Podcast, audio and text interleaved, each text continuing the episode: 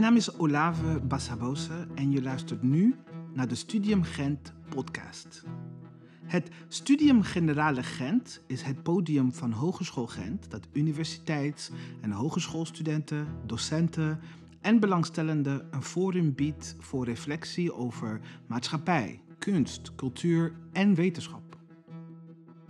In nauwe en warme samenwerking met Laurence Hendricks van de vakgroep Volksgezondheid en Eerste Lijnzorg hebben we een aantal wetenschappers van de faculteit Geneeskunde en Gezondheidswetenschappen van de UGent uitgenodigd voor een praatje over hun recente onderzoeken. Onder de noemer hashtag pandemiegesprekken gaan we de komende afleveringen luisteren en leren over de impact van de COVID-19-pandemie op huiselijk geweld de weerbaarheid van zorgprofessionals, onze toegang tot seksuele en reproductieve zorg en nog veel meer. Welkom Ines. Allereerst hartelijk bedankt dat je zo vroeg op de ochtend tijd voor ons hebt gemaakt. De mensen weten niet hoe vroeg het is natuurlijk hier in deze studio. Uh, jij en je collega's hebben in de voorbije pandemieperiode een tweetal onderzoeken verricht naar huiselijk geweld. Klopt mhm. dat? Ja, dat klopt. Uh, maar voordat we daarover gaan praten, uh, wie ben jij, Ines? Vertel eens over jezelf. Wat doe je? Ja, wat doe ik? Dus uh, ik ben uh, Ines, ik ben professor seksuele en reproductieve gezondheid aan de Universiteit Gent, uh, specifiek binnen de onderzoeksgroep International Center for Reproductive Health. Dus wij zijn ingebed um, in de faculteit Gezondheidswetenschappen en Geneeskunde. En daar leid ik een team die onderzoek doet, ook onderwijs en vorming geeft aan, aan een maatschappelijke dienstverdeling doet, rond ehm, seksueel geweld, gendergerelateerd geweld, andere vormen van geweld maar ook schending van uh, seksuele en reproductieve gezondheidsrechten en gezondheidspromotie bij uh, kwetsbare groepen, uh, minder bereikbare groepen en minderhedengroepen. Oké, tof. Klinkt wel als heel veel werk. Hoe groot is dat je is team? Zo. Um, dat is eigenlijk heel erg variërend. Uh, tijdens de pandemie uh, dan had ik ook de chatlijn na seksueel geweld, die wij coördineerden. En toen hadden we veel meer uh, mensen in onze ploeg. Dan hadden we tegen de twintig collega's. op dit ogenblik zijn we met ongeveer de helft die in België aanwezig zijn. We hebben ook studenten en onderzoekers in het buitenland. Ik, ik, ben, ik, ik, ik was van plan om meteen naar de echte onderzoek, maar ik vind het heel fascinerend, want het klinkt alsof jullie met een chatline ook, hè, dat jullie dus eigenlijk al wel niet alleen onderzoek doen en in de academie bezig zijn, maar ook direct uh, uh, ja, diensten aanbieden aan de maatschappij. Ja. Dat is toch ongebruikelijk? Of? Wel, Um, voor mij is dat eigenlijk vrij belangrijk. Dat we niet alleen onderzoek doen om onderzoek te voeren, maar eigenlijk proberen om onmiddellijk ook iets te veranderen en situaties beter te maken voor mensen. En dan, ja, gezien wij vooral rond uh, seksueel en, en, huiselijk geweld uh, bezig zijn, als we dan kennis hebben, dan moeten we die ook proberen in te zetten om onmiddellijk dat verschil te maken. Hè, zodat mensen minder slachtoffer worden, als ze toch worden, eh, dat zij goed opgevangen worden. Dus wij hadden een team van psychologen die eigenlijk een chatlijn hebben ontwikkeld, dat helemaal hebben geproefdraaid. En ook tijdens de covid-tijd eigenlijk uh, ver twee of driedubbeld zijn in aantal mensen die um, elke avond slachtoffers hebben uh, bijgestaan, die thuis in de pandemie vastzaten en uh, heel wat vragen hadden. Hoe kan ik best omgaan met het geweld die ik hier thuis meemaak? Ik beproef al dat ik jullie waarschijnlijk ga uitnodigen om mensen weer langs te komen om het alleen over de chatline te hebben. Want dit vind ik in, Heel fascinerend. Okay. Nou, bedankt voor al je werk. Uh, jullie hebben dus onderzoek gedaan. Ja. En um, ik ben eigenlijk benieuwd naar, uh, naar ja, de inspiratie die jullie hadden om huiselijk geweld te koppelen aan de COVID-19-pandemie. En meer specifiek aan lockdowns. Want dat is toch precies waar jullie ja. vooral naar hebben gekeken. Klopt ja. dat? Ja, inderdaad. Um, er bestaat al redelijk wat wetenschappelijke evidentie dat wanneer mensen sociaal geïsoleerd worden, en dat is toch wat er gebeurt hè, als we in een lockdown gaan, um, dat dat eigenlijk uh, niet alleen leidt tot veel meer stress en een, een, gevoel van stress, maar eigenlijk ook tot acute stressstoornis, posttraumatisch stresssyndroom, ook tot meer depressies, meer ongezonde coping, um, mensen die wat meer moeite hebben om, um, aangezien ze niet naar buiten kunnen, niet op een andere manier kunnen ontspannen of niet met hun vrienden kunnen ontspannen, dat zij eigenlijk ook veel meer emotieregulatieproblemen hebben. En in andere situaties waar er al zo'n sociaal isolement uh, is opgetreden en onderzocht, zien we ook dat dan eigenlijk het risico op verschillende vormen van geweld, en zeker van huiselijk geweld, de mensen waarmee je op dat ogenblik in datzelfde isolement zit, dat daar eigenlijk het risico op geweld stijgt. Dus wij dachten, dit kunnen we niet zomaar eventjes zitten aankijken. Dus bij de eerste lockdown in 13 maart 2020 heb ik eigenlijk onmiddellijk een collega opgebeld, een professor aan de criminologie, en gezegd, kom, wij moeten hier uh, echt een, een, onderzoek gaan opzetten in een mum van tijd. Ben je bereid om dat vrijwillig mee te doen? Want wij hadden daarvoor uh, geen financiering. Die is ook volledig mee op de kar uh, gesprongen. Dus wij hebben in een mum van tijd een, een klein onderzoeksteam van onze collega's en studenten samengesteld om dan eigenlijk die studie ook in snel tempo door een ethische goedkeuring een ethische goedkeuring eh, voor te krijgen. En dan zijn we eigenlijk ook onmiddellijk aan ehm, internationale collega's gaan vragen die in een vergelijkbare lockdown-situatie zaten, zoals in Portugal en in Duitsland. Hebben wij ook gevraagd van, hebben jullie geen zin om het ook in jullie land uh, toe te passen? En daar was het enthousiasme even groot, even onbetaald. We doen dit gewoon. Um, dus hebben we eigenlijk al in april uh, de vragenlijst kunnen uh, uitsturen. En um, die is eigenlijk in verschillende talen, in België bijvoorbeeld dan uh, alleen al, maar dus ook in Portugal en in Duitsland, uh, door heel veel media, sociale media verspreid geweest.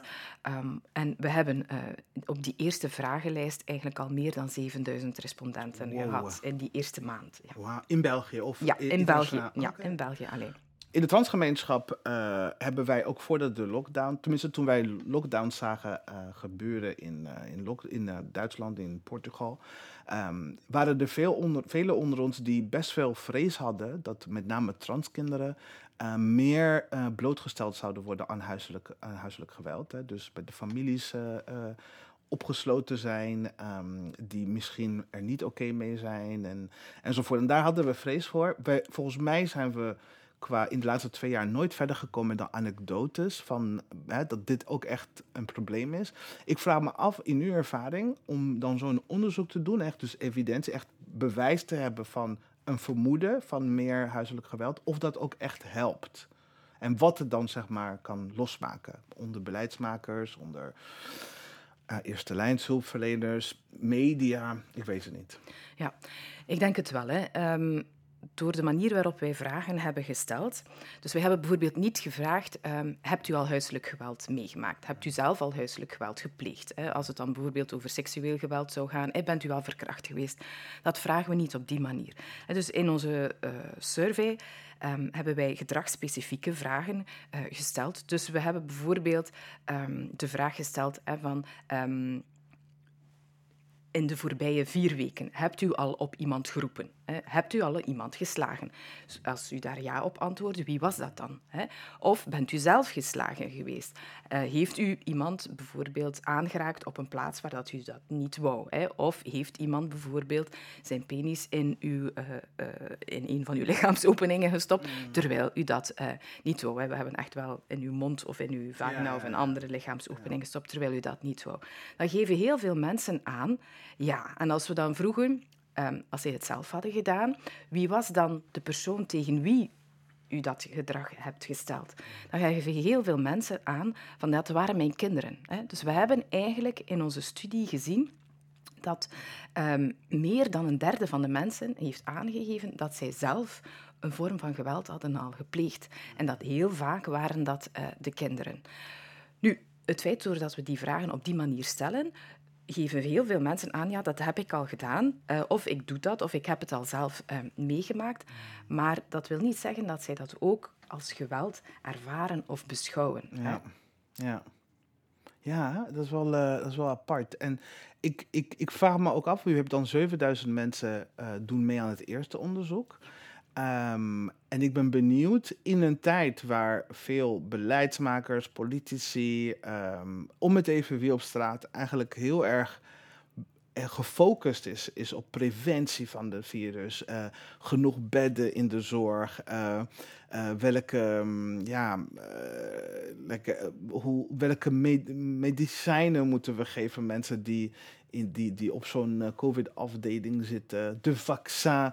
Um, was dat, was dat was zo'n zo'n onderzoek en zo'n grote aantallen en, en ook deze bevindingen ook meteen, brak het meteen ook door naar de, ja, naar, naar de lijst van prioriteiten. Ja, nu Eigenlijk de cijfers waren zeer hoog. Hè. In dat eerste onderzoek, dus die eerste vier weken van de lockdown, dan bleek dat in België 27% van de vrouwen en uh, eh, 21% van de mannen hadden aangegeven dat zij al een vorm van huiselijk geweld hadden meegemaakt. Zelf slachtoffer waren geworden. En dan had meer dan 1 op 5 ook nog eens weet dat er iemand anders in hun gezin ook slachtoffer werd.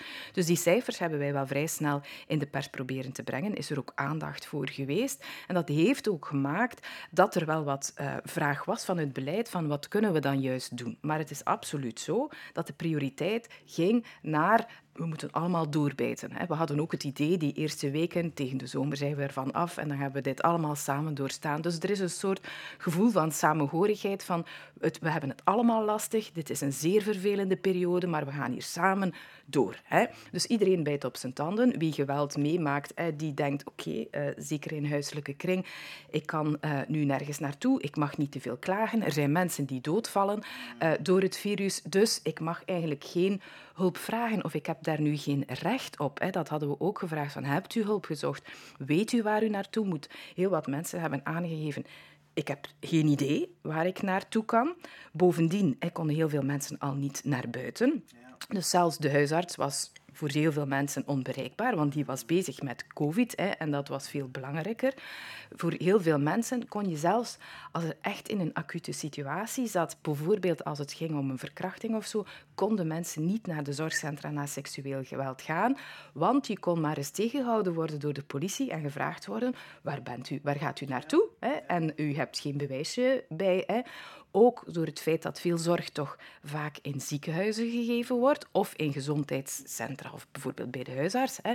Dat waren plekken waar je niet hoorde te komen, tenzij je COVID had. Hè. Dus heel veel mensen zijn eigenlijk ook geen zorg gaan zoeken en zijn in die COVID-periode nog meer in die kookpot hè, uh, blijven, blijven maar zitten. Maar ook angst om de, om de virus te krijgen. Ik heb diabetes en ik moest uh, tijdens de COVID-periode moest ik eigenlijk naar het ziekenhuis voor mijn check-ups, mijn uh, updates en zo. En ik durfde niet. Ja. Omdat ik dacht, ja, ziekenhuis, daar ga ik het krijgen. Ja, ja, dat is ook een reden waarom mensen uh, bijvoorbeeld geen hulp zochten. Niet alleen, ik hoor daar niet, maar ook van, het is daar een gevaarlijke plek. Um, eigenlijk ook bij de huisarts zelf. Hè. Um, maar er zijn ook heel weinig mensen die naar de politie zijn gestapt. Want ook daar had men het idee, die gaan nu toch niks kunnen doen. Je kan niet ergens anders zijn dan thuis. Er wordt gezegd, je doet aan telewerking, het is verplicht. Hè. Iedereen moest binnenblijven, zeker in het begin. Dat lijkt wel een beetje vergeten te zijn. Maar je, je kon nergens heen. Dus je zat voor mensen waarvan de pleger dus in huis was, was het niet alleen een, een, verschrikkelijke situatie om constant met diezelfde personen onder één dak te wonen, maar je kon ook niet andere hulpbronnen eh, opzoeken um, waar je in tijden van een lockdown misschien wel, wel terecht had kunnen. Maar dan doet u zo'n onderzoek. De eerste onderzoek komt naar buiten. Ik kan me wel voorstellen dat mensen dan wel reageren daarop. Ja. En hoe werd daarop gereageerd? Ja, eigenlijk uh, vrij veel mensen zijn ook in de pers beginnen getuigen hè, dat ook zij het lastig hadden. Er heerst een, beeld dat huiselijk geweld enkel voorkomt in gezinnen die het sowieso al super zwaar hebben, die uh, weinig economische middelen hebben, die uh, uh, laag opgeleid zijn, hè, dus een lage socio-economische status hebben. Hè. Dat, dat wordt altijd aangegeven. Maar wat hebben wij in onze studie gezien? Dat eigenlijk nu onderwijs en inkomen en zo helemaal geen rol speelden. Dat eigenlijk heel wat van het huiselijk geweld voorkwam bij jonge gezinnen of um, niet meer zo jong, hè, veert, vooral eigenlijk bij veertigers, die verschillende kinderen hadden, die allebei um, uh, een, een, job hadden, die aan telewerking moesten doen of waar dat de stress zeer hoog was en die eigenlijk gewoon zijn om alles goed te kunnen controleren en in orde te hebben. En dat nu door het samenleven en met de kinderen en met de partner en het al het werk en het tot s'avonds laat zeer uh, lang doorwerken, dat dat eigenlijk uh, dus een hele groep mensen ook huiselijk geweld is beginnen ervaren of beginnen plegen, um, terwijl dat, dat eigenlijk een niet zo gekende groep was. Dus veel mensen hebben ook in de studie aangegeven van ik doe het zelf en ik heb dat daarvoor eigenlijk nog nooit gedaan. Dus help, wat gebeurt er met mij? Ik kan deze situatie eigenlijk niet aan. Dus die te hoge stress, die hebben we zelfs met bepaalde schalen kunnen vaststellen. Dus we hadden um, heel veel mensen die eigenlijk echt een acute stressstoornis hadden, maar geen hulp. En dan weten we, als je niet de juiste hulp krijgt bij zo'n hoge dosis van stress, dat dat op een andere manier zich moet uh, kanaliseren. En we zagen dus bijvoorbeeld dat ook heel veel mensen een ongezonde coping uh, kregen, waaronder dus bijvoorbeeld ook geweldsterven. Ja, en, en ook volgens mij, als ik me goed herinner, in wat ik heb gelezen over onderzoek ook bijvoorbeeld uh, middelenmisbruik ja. en zo. Ja. ja. Wat natuurlijk de situatie waarschijnlijk niet meer vredig thuis maakt. Nee, maar als het um, bijvoorbeeld veel meer mensen namen sedativa, hè, om, om goed te kunnen slapen, om ook de stress een beetje naar beneden uh, te kunnen uh, halen en toch die rust dan uh, te hebben. We zagen een problematisch alcoholgebruik hè, bij heel wat mensen, maar dat was niet significant gelinkt met het geweld. He, dus het uh, gebruik van sedativa wel, het, die, die acute stressstoornis ook. En uh, ja, we zien ook wel dat heel wat mensen al suïcidepogingen bijvoorbeeld hadden ondernomen voor uh, die lockdowns. En dat dat eigenlijk bij deze groep mensen nog veel meer is ja. um, uh, gestegen. Dus je komt dan uit op een tweede lockdown op een gegeven moment. Ja. En, uh, en een derde. En een derde. ja. En ik ben eigenlijk benieuwd voor jullie onderzoek. Jullie hadden de eerste al uh, met 7000 uh, mensen die meededen. Um, hoe kwamen jullie uit op de volgende onderzoek? Hoe kwam dat, zeg maar... Heb je ook weer iemand gebeld en gezegd... hey, wil je gratis werken dus, aan iets? wel, um, toen hadden we zoiets van, dit kan niet meer. Hè. Dit blijft hier maar aanslepen. Um, het was niet alleen uit ons onderzoek. Hè, dus we zagen ook bij de chatlijn dat er elke avond maar meer en meer mensen uh, belden. Uh, dat zij gewoon in de geweldsituatie zaten, nergens naartoe konden gaan. Dat er zeer schrijnende uh, zaken waren. Dat zij overal op een wachtlijst kwamen te staan. Als er dan weer wat meer face-to-face komt. Dat psychologen eigenlijk ook, voor zij ook die online um, ja, hulp konden bieden. Dat ook zij onmiddellijk volgeboekt zaten. Dus er was eigenlijk te weinig hulp um, voorhanden. Dus wij zijn eigenlijk zelf naar het beleid gestapt van kom aan, hè. wij kunnen, wij weten hè, wat we in huis hebben. We hebben verschillende mensen die eigenlijk een stuk ook mediezorg kunnen geven. Dus dan hebben we bijvoorbeeld ook een heel psycho-educatie, gratis psycho-educatietraject opgestart voor Um, en dat heeft de staatssecretaris voor gelijke kansen uh, gesubsidieerd. Okay.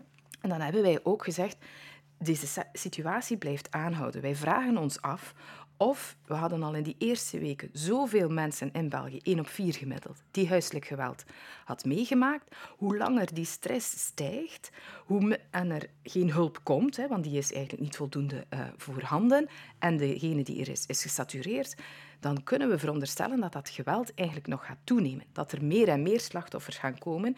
En hoe meer slachtoffers je krijgt en je hebt geen zorg, hoe meer gezondheidsklachten zij zullen krijgen, hoe meer impact het zal hebben op hun job, op hun werk, maar ook op hun leven. En zeker omdat we zagen dat zoveel kinderen slachtoffer werden, dat dat toch ook wel een impact heeft op een latere ontwikkeling, dan hadden wij zoiets van, kom aan, jullie hebben een verantwoordelijkheid. En dan heeft de staatssecretaris dus ons uh, de opdracht gegeven met uh, weliswaar beperkt, maar toch wat uh, middelen om eigenlijk um, de verschillende lockdowns naar elkaar te bevragen okay. en eigenlijk uh, ja, meer dan een jaar de, retrospectief dan te kijken van um, is dat geweld nu veranderd, meer gestegen of niet? Hoe zit het met de kopingsgedrag? Uh, en gaan mensen inderdaad is het alcoholgebruik nog meer gestegen. Gaan mensen nu nog meer, wel meer hulp zoeken? Want er was toch ook in de media uh, meer aandacht voor. Hè, 1712, andere kanalen. Hè, van je, je kan er uh, terecht. Um, dus dan hebben wij eigenlijk uh, eind 2020 dan middelen gekregen om nog zes maanden een tweede onderzoek okay. te doen. Nou, ik heb op internet een uh, term ontdekt, uh, zogeheten methodology nerd. ja.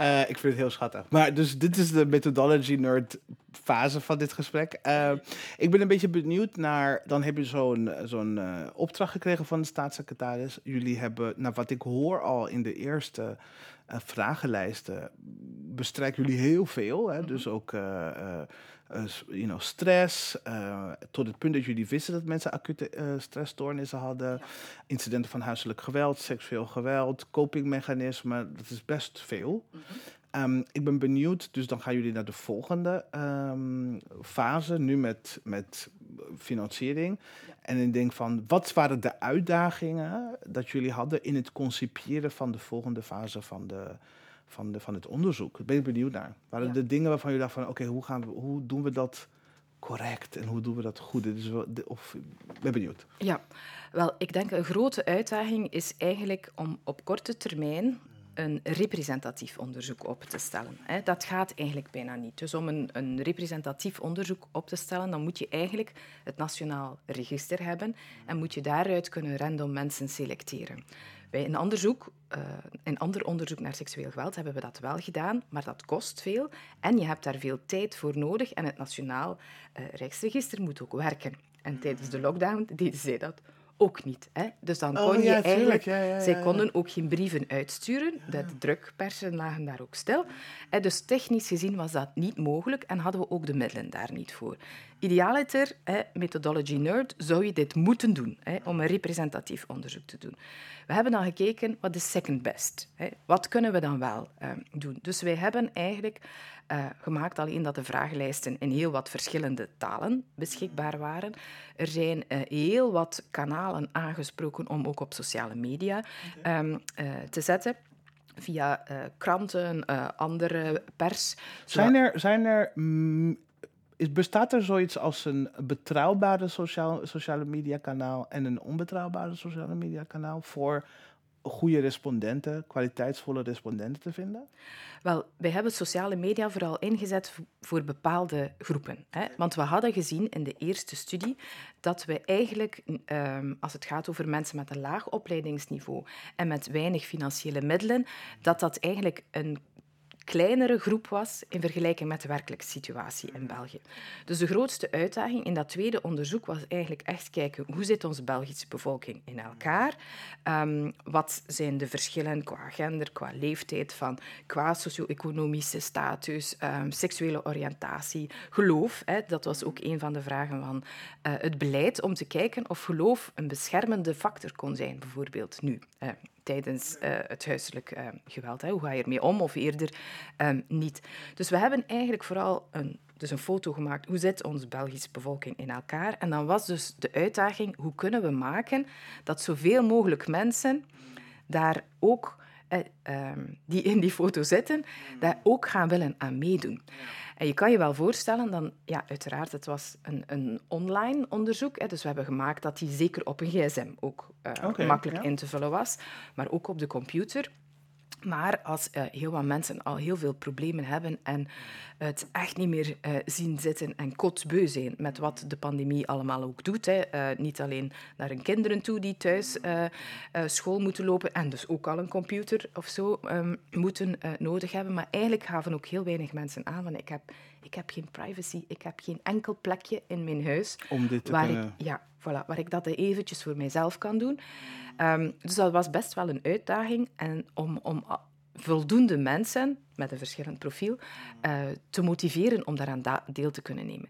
En vandaar dat die sociale media dan wel belangrijk waren. Hè, dat we bepaalde mensen meer konden motiveren op, via een communicatiekanaal die zij dan wel gebruiken uh, om uh, deel te nemen. En dat is eigenlijk uiteindelijk redelijk goed gelukt. Dat we toch een vrij diverse uh, populatie die een vrij goed beeld geeft eigenlijk van hoe de Belgen zowel qua leeftijd, qua gender, qua seksuele oriëntatie, qua socio-economische status, ook geloof. En er was uh, ja, vanuit het beleid dan toch ook de vraag, ja, hoe zit dat met dat geloof? Hoe is het met origine? En maken mensen met een, een niet-heteroseksuele oriëntatie meer geweld mee? Dan denk je ook, wat zijn de politieke... Ja, Wat wil je graag horen? Hè? Dan moet je als ik vind het al heel interessant dat u zegt, is religie een beschermende factor? Want ik kan me heel goed voorstellen dat in een politieke discours, dat juist religie wordt gezien als een... Ja, als een problematische factor in plaats van een beschermer. In, in, wetenschap kunnen we dat omdraaien. Hè? Ja, ja, ja. ja. kan je, uh, is het geen beschermende factor, dan is het misschien een factor die geen impact heeft. Precies, hè? Of een factor die eigenlijk net een risicofactor is. En daar moet je als wetenschapper bedacht op zijn. Waarom willen zij graag die extra informatie hebben?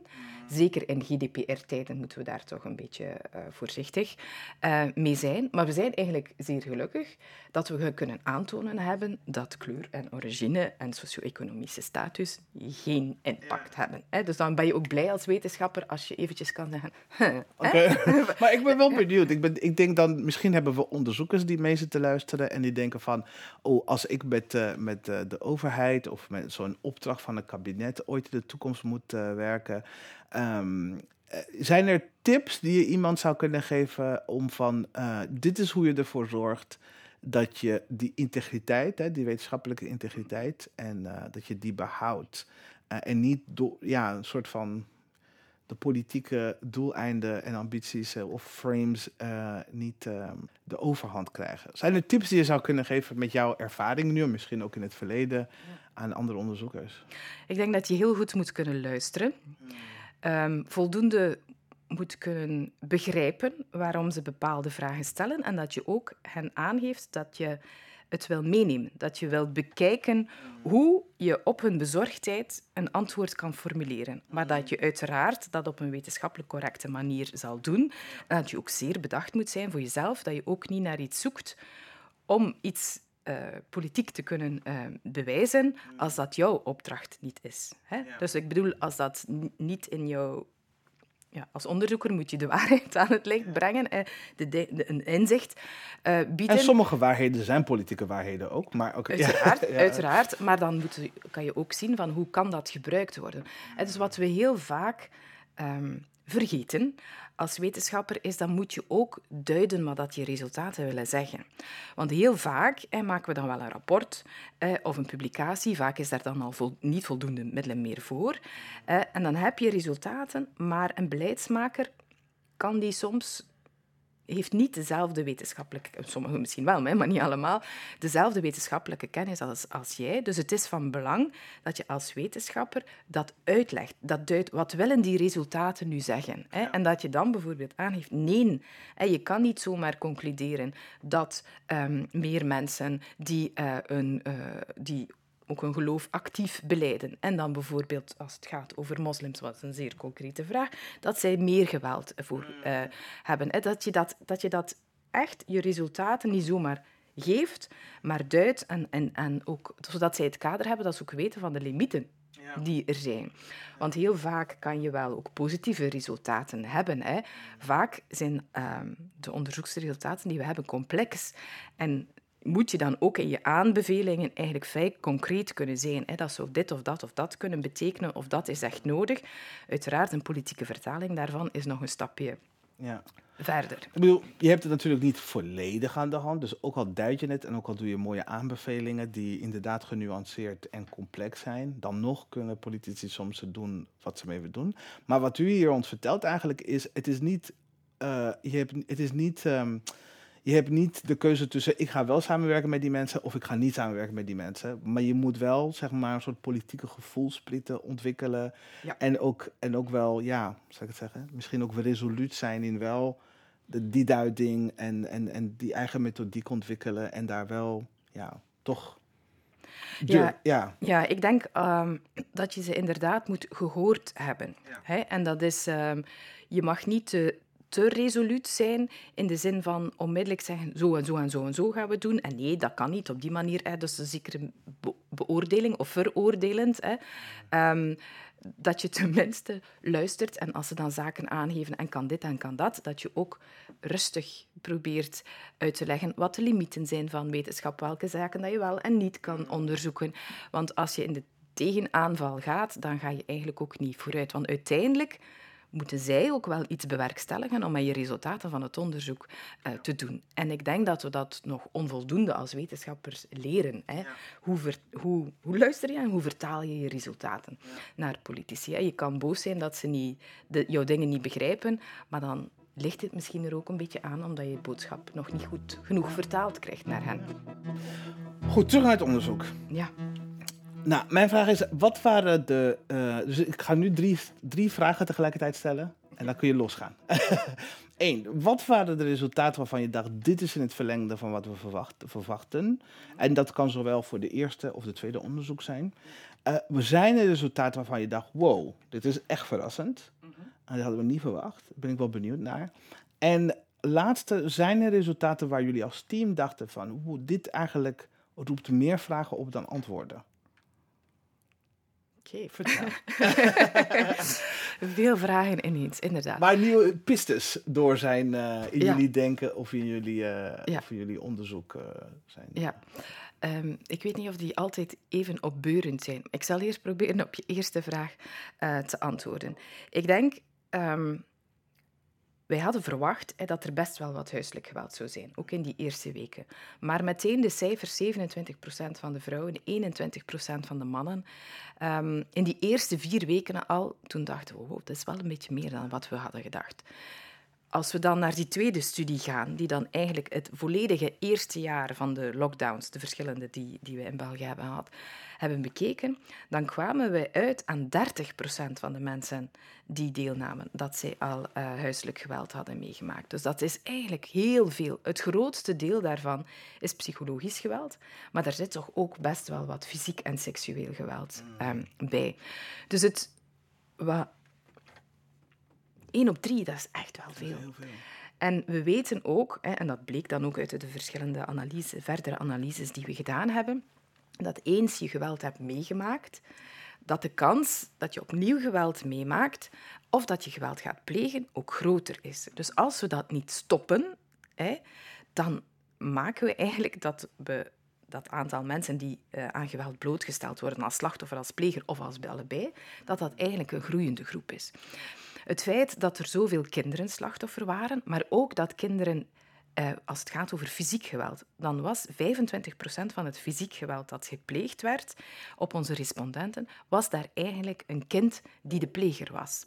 Dus ook daar moeten we voldoende aandacht voor hebben van, ja, als kinderen met die stress niet kunnen omgaan, dus al heel veel slachtoffers, maar dus ook kinderen die fysiek geweld gaan, gaan stellen hè, naar andere uh, huisgenoten, ook heel veel ouders, hè, die aangegeven hebben mijn kind is fysiek gewelddadig nu naar mij, dan moeten we daar vol, toch voldoende zorg voor um, bieden.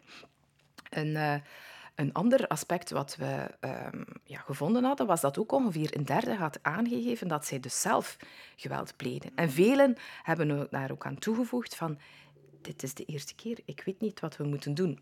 Opnieuw in dag te houden. Vond je dit verrassend om dit, uh, om dit te zien, uh, om deze uitkomst? Heel vaak uh, in surveys of in wetenschappelijk onderzoek tot nu toe wordt er enkel de slachtofferkant of enkel de plegerkant bevraagd. Het feit dat wij het globaal hebben gezien, wat gebeurt er in je huishouden, wie pleegt geweld op wie, hè, en ben je zelf slachtoffer, doe je zelf dingen, hè, dan hebben we daar toch eigenlijk voor het eerst wel een, een beter zicht op uh, gekregen dat eigenlijk heel veel mensen in beide situaties um, uh, zitten. En dat vraagt uiteraard ook een andere aanpak. Hè, dat je niet zomaar alleen een slachtoffer hebt en een pleger die daar los van staat, hè, maar dat heel veel mensen eigenlijk in conflictueuze uh, relaties en huishoudens leven. Ook het aantal vrouwen die plegers waren, dat, daar waren we ook een beetje um, niet van geschrokken, maar blij dat we het eindelijk eens op papier uh, konden hebben. Hè? Want er wordt, wel, er wordt heel vaak nog van uitgegaan mannen zijn plegers, vrouwen zijn slachtoffers. Dat is ook hoe het beleid het vaak zo voorstelt. Terwijl wij ja, al weten uit anders onderzoek dat dat toch uh, niet zo uh, opgedeeld um, is. En dat de meeste mensen dus wel, ja, zeker als het gaat over partnergeweld, uh, in alle mogelijke relaties, of dat nu hetero-relatie is of niet, hè, dat dat eigenlijk het gender daar niet zozeer toe doet. En dat hebben we dus ook in onze studie gezien. Hè, als het gaat over uh, uh, psychisch geweld, dat uh, 45% van dat psychisch geweld die gebeurd was, gesteld was door vrouwen. En 38% van het fysiek geweld, daar was de vrouw de pleger van. En ook 12% van het seksueel geweld. Dus de vrouw in een huishouden is helemaal niet zo'n doetje als wat er heel vaak wordt voorgesteld. Ja, en ik ben wel benieuwd, is er een verschil uh, tussen wie uh, mannen of vrouwen geweld aandoen? Like tegen wie het geweld wordt gedaan? Ja, wel. is er een verschil daarin of maakt het... Voor seksueel geweld wel. Hè. Voor de andere vormen, uh, als het gaat over psychisch geweld, dan gaat dat eigenlijk in alle richtingen. En, en uh, we hebben ook uh, transpersonen, we hebben ook um, LGBT meegenomen in, de rela in relaties en of daar minder of meer voorkwam. Um, we zagen zelfs dat er een grotere kwetsbaarheid uh, was. Dus eigenlijk speelt dat niet zo'n rol. Het is door het feit van uh, in die lockdowns, in de pandemie, samen te zitten en een hoog stressniveau te hebben, zelfs al eerder um, slachtoffer zijn, te zijn geweest, niet tevreden te zijn met je partnerrelatie en met te veel mensen op een kleine oppervlakte leven, uh, dat we gezien hebben dat dat eigenlijk de cocktail was. Dat maakt dat mensen geweld meemaken in deze tijden van ja. uh, COVID. Zijn er, nog maar, laatste was dus de vraag van, zijn er uitkomsten of resultaten waarvan je denkt van, oké, okay, hier moeten we echt dieper. Dit, dit is niet, we need more, we hebben meer informatie nodig. Want ja. dit is... Wel, die transgenerationele... Uh, transmissie, eigenlijk, of de intergenerationele transmissie van geweld, dat is iets wat we veel dieper willen onderzoeken. Want als zoveel kinderen geweld meemaken en hun ouders ook, van waar komt dat? Hè? En hebben mensen die dus niet alleen zelf al geweld hebben meegemaakt, maar hun ouders ook en hun grootouders ook. Hè? Wat betekent dat van op verschillende vlakken, niet alleen sociaal en in de opvoeding, maar even, eventueel ook genetisch, hè, worden er zaken doorgegeven, wordt die kwetsbaarheid doorgegeven. En hoe kunnen we dat maken dat we dat systematisch doorgeven kunnen stoppen? Welke factoren kunnen dan echt ingrijpen om te maken dat mensen niet opnieuw slachtoffer worden of niet opnieuw geweld plegen. Daar is al redelijk veel onderzoek naar, zeker rond seksueel geweld. En weten we bijvoorbeeld dat een, vrouw die uh, zeer hoge stress heeft en bijvoorbeeld na een verkrachting niet de juiste zorg heeft gekregen, als die persoon zwanger wordt um, en zij heeft nog altijd dat te hoge cortisolniveau, uh, dan weten we dat dat effect heeft op de embryo. Dus dat eigenlijk uh, de frontale hersengedeeltes uh, van die baby niet tot hetzelfde volume komen als bij een vrouw die dat niet heeft. Of als bij een kindje die dus niet in de buik van een mama heeft gezeten, die niet die hoge stress had. Maar als we dus zien dat bijna 1 op 4 in België een acute stressstoornis had tijdens de COVID, of de mensen die toch deelgeno deelgenomen hebben. Dus zij hebben een hoog stressniveau. Als mensen dan zwanger worden, hè, hoe kunnen we maken dat de kinderen daar niet meer het, uh, ja, dat gaan meedragen? Hè, dat zij eigenlijk echt vers op de wereld kunnen zijn zonder al die bagage. Dus dat is iets waar we dat we wetenschappelijk gezien uh, zeer uh, ver willen op doorgaan. Anderzijds hebben we ook zeer praktische bevindingen uh, die we ook denken, die moeten gewoon geïmplementeerd worden. We weten dus dat die stress zo belangrijk is. Dus elke hulpverlener zou eigenlijk moeten, als iemand een beetje ja, fulmineert over ja, het gaat niet goed thuis en uh, mijn man dit of mijn partner dit en mijn kinderen krijgen, uh, dan zou eigenlijk gewoon moeten gevraagd worden van hoe ga je om met die spanning thuis? Komt er al eens een conflict van? En als er een conflict gebeurt, hoe los je dat dan op? Wordt er al eens geslagen, geschoppen of geduwd? Wordt er geschreeuwd? Zodat je gewoon bespreekbaar maakt hoe dat er met die spanning wordt omgegaan. Want we weten dus zeker dat dat psychisch geweld zoveel voorkomt. Maar als je het meemaakt en er komt geen herstelproces of geen zorg, dan gaat dat enkel ja, bestendig te worden of is de kans dat je opnieuw slachtoffer wordt uh, groot. En heb je het idee, nou heb je het idee, heb je bepaalde suggesties of ambities, dingen die je graag zou willen uh, zien uh, gebeuren naar aanleiding van je onderzoek, waarvan je denkt van um, dit of dat hopen we dat echt aangepakt wordt. Of het nou of er nou meer lockdowns komen of niet. We weten natuurlijk niet of we nu helemaal vrij zijn van deze virus. Of in, ja, in het, in, de, in het herstellen van deze pandemie in het algemeen, naast de economie, naast uh, de toevoerlijnen, misschien onze, mente, onze gezond, geestelijke gezondheid? Ik denk dat we daar uh, heel erg moeten op inzetten. En ik verwacht eigenlijk nog dat uh, met als er wat weer meer vrijheid komt en dat we die decompressie hebben, dat er eigenlijk nog wel wat geweld zal stijgen.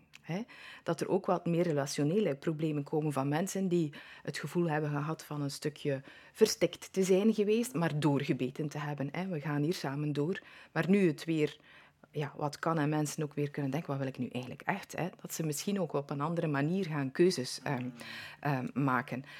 Verder denk ik dat het hoop ik toch heel erg dat er meer ingezet wordt op opleiding van allerlei hulp- en zorgverleners, zodat zij die resultaten kennen en die kleine tips die er zijn, die kunnen al zo'n verschil maken dat zij die leren implementeren.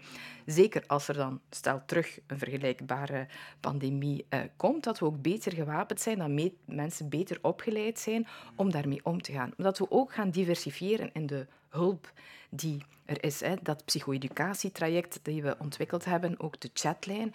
Heel wat mensen hebben daar eigenlijk aangegeven, ik wil geen face-to-face hulp. Of dat is nog te lastig. Ik wil niet iemand in de ogen moeten kijken en zeggen dat ik slachtoffer ben geworden. Of dat ik zelf mijn kinderen sla. Ik ben daar niet trots op, maar help mij. Wat kan ik doen?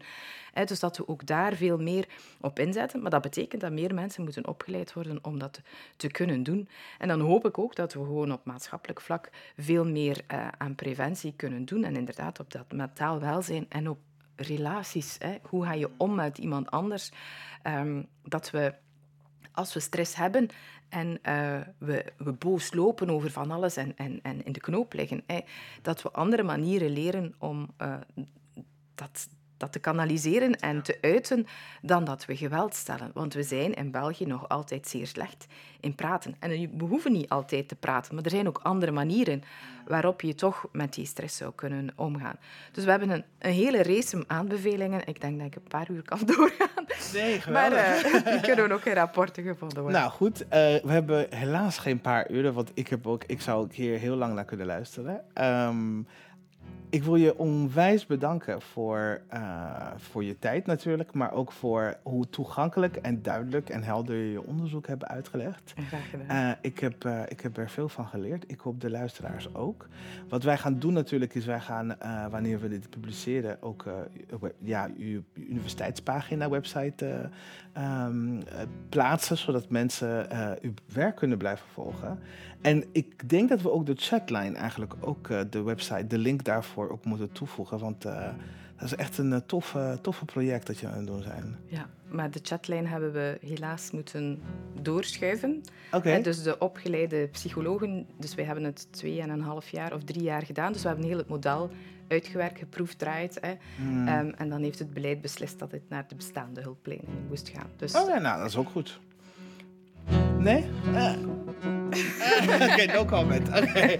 Dankjewel Ines. En uh, misschien tot de volgende keer. Dankjewel. Ja, graag gedaan.